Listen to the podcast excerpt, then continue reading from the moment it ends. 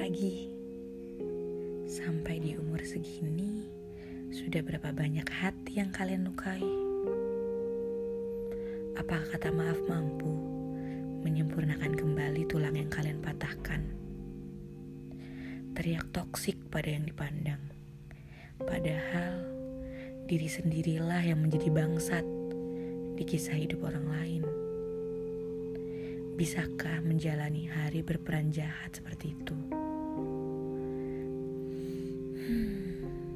Semoga kita semua sadar melukai adalah pekerjaan terkejam di bumi ini.